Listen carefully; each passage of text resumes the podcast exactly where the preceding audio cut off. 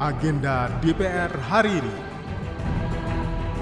Kepincangan struktur yang ada di dalam kelembagaan di Sekretariat Jenderal DPR RI ini.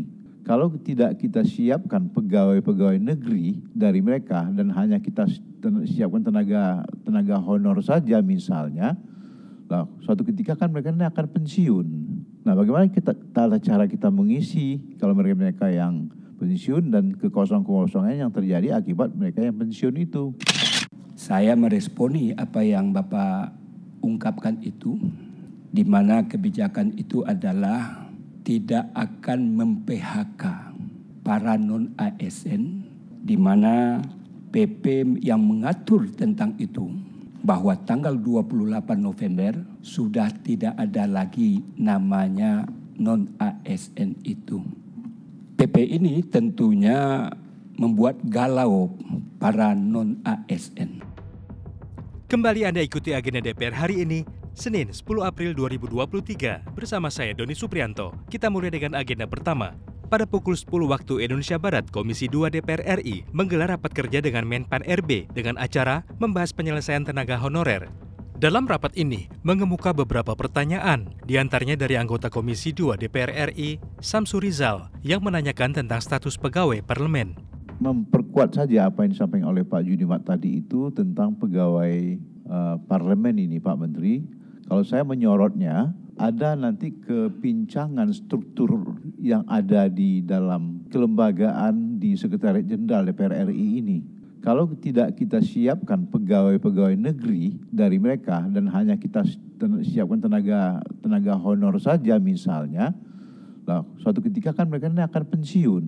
Nah, bagaimana kita tata cara kita mengisi kalau mereka-mereka yang pensiun dan kekosongan-kekosongan yang terjadi akibat mereka yang pensiun itu ya sangat terganggu. Sementara kan DPR ini akan kerja terus. Di satu sisi, di sisi lain eh, kami juga, sebagai anggota menjadi kadang-kadang terhalang juga beberapa pelayanan menjadi terlambat. Misalnya pelayanan keuangan atau pelayanan kepegawaian mereka atau hal-hal yang lain uh, yang berkaitan dengan kunjungan kita ke satu tempat ke daerah lain. Jadi kalau memang mereka tidak profesional bekerja, mungkin karena tidak ada job yang me memberikan semacam motivasi mereka, ini yang yang kita kasihankan.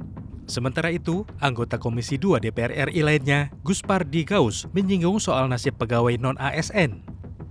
Saya meresponi apa yang Bapak ungkapkan itu di mana kebijakan itu adalah tidak akan mem-PHK para non-ASN di mana PP yang mengatur tentang itu bahwa tanggal 28 November sudah tidak ada lagi namanya non-ASN itu.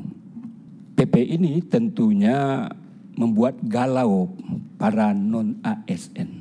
Tapi dengan berita-berita yang Bapak ungkapkan, dan saya menggarisbawahi terhadap apa yang menjadi arahan Bapak Presiden. Tentu para non-ASN merasa gembira karena diberlakukan diperlakukan sesuai dengan harapan dan keinginan. Tetapi saya melihat belum jelas grand design daripada solusi terhadap mereka-mereka itu.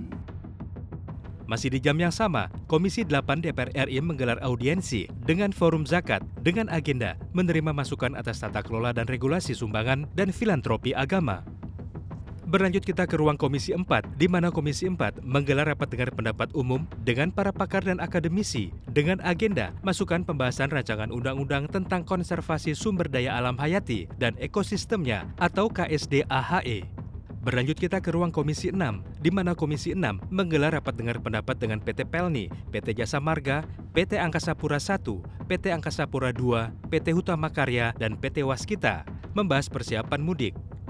Sekarang kita masuk ke pukul 11 waktu Indonesia Barat, di mana Komisi 8 DPR RI menggelar audiensi dengan pimpinan Pusat Forum Guru Pendidikan Agama Kristen Indonesia dengan agenda menerima masukan dan pengaduan. Sementara itu di ruang Komisi 11 digelar rapat dengar pendapat dengan Dirjen Anggaran Kemenkeu dan Badan Kebijakan Fiskal terkait pengelolaan program pensiun ASN. Masih di jam yang sama, Komisi 7 menggelar audiensi dengan DPP HIPMI. dan Komisi 3 DPR RI menggelar rapat dengar pendapat umum dengan Saurip Kadi. Sementara itu Komisi 1 DPR RI menggelar rapat kerja dengan Menkominfo dan Menkumham membahas revisi Undang-Undang ITE. Sekarang kita ke pukul 13 waktu Indonesia Barat, di mana Komisi 8 DPR RI menggelar rapat dengar pendapat dengan Ketua Basnas dengan acara pelaksanaan program zakat 1444 Hijriah atau 2023 Masehi, serta isu-isu aktual lainnya. Masih di jam yang sama, Komisi 9 DPR RI menggelar rapat internal panja rancangan undang-undang tentang kesehatan. Sementara itu, Komisi 2 DPR RI menggelar rapat kerja dengan Menteri ATR dengan agenda membahas permasalahan pertanahan serta tindak lanjut hasil kunjungan kerja panja pengawasan dan lain-lain. Sementara itu, Komisi 7 DPR RI menggelar rapat dengar pendapat dengan PT Pertamina Hulu Energi, PT PHR, serta PT PHM. Sekarang kita beralih ke jam 14 waktu Indonesia Barat, di mana Komisi 3 menggelar rapat panja Timus Timsin Revisi Undang-Undang MK Agenda ini dilakukan secara tertutup, masih di waktu dan jam yang sama. Komisi 4 DPR RI menggelar rapat dengar pendapat umum dengan pemerhati konservasi dengan agenda masukan pembahasan rancangan undang-undang tentang konservasi sumber daya alam hayati dan ekosistemnya atau KSD AHE. Sampai agenda ini dibuat, rapat masih berlangsung.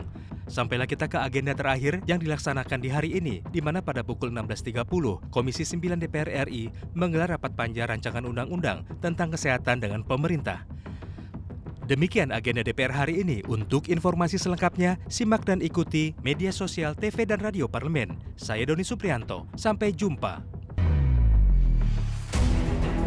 Agenda DPR hari ini.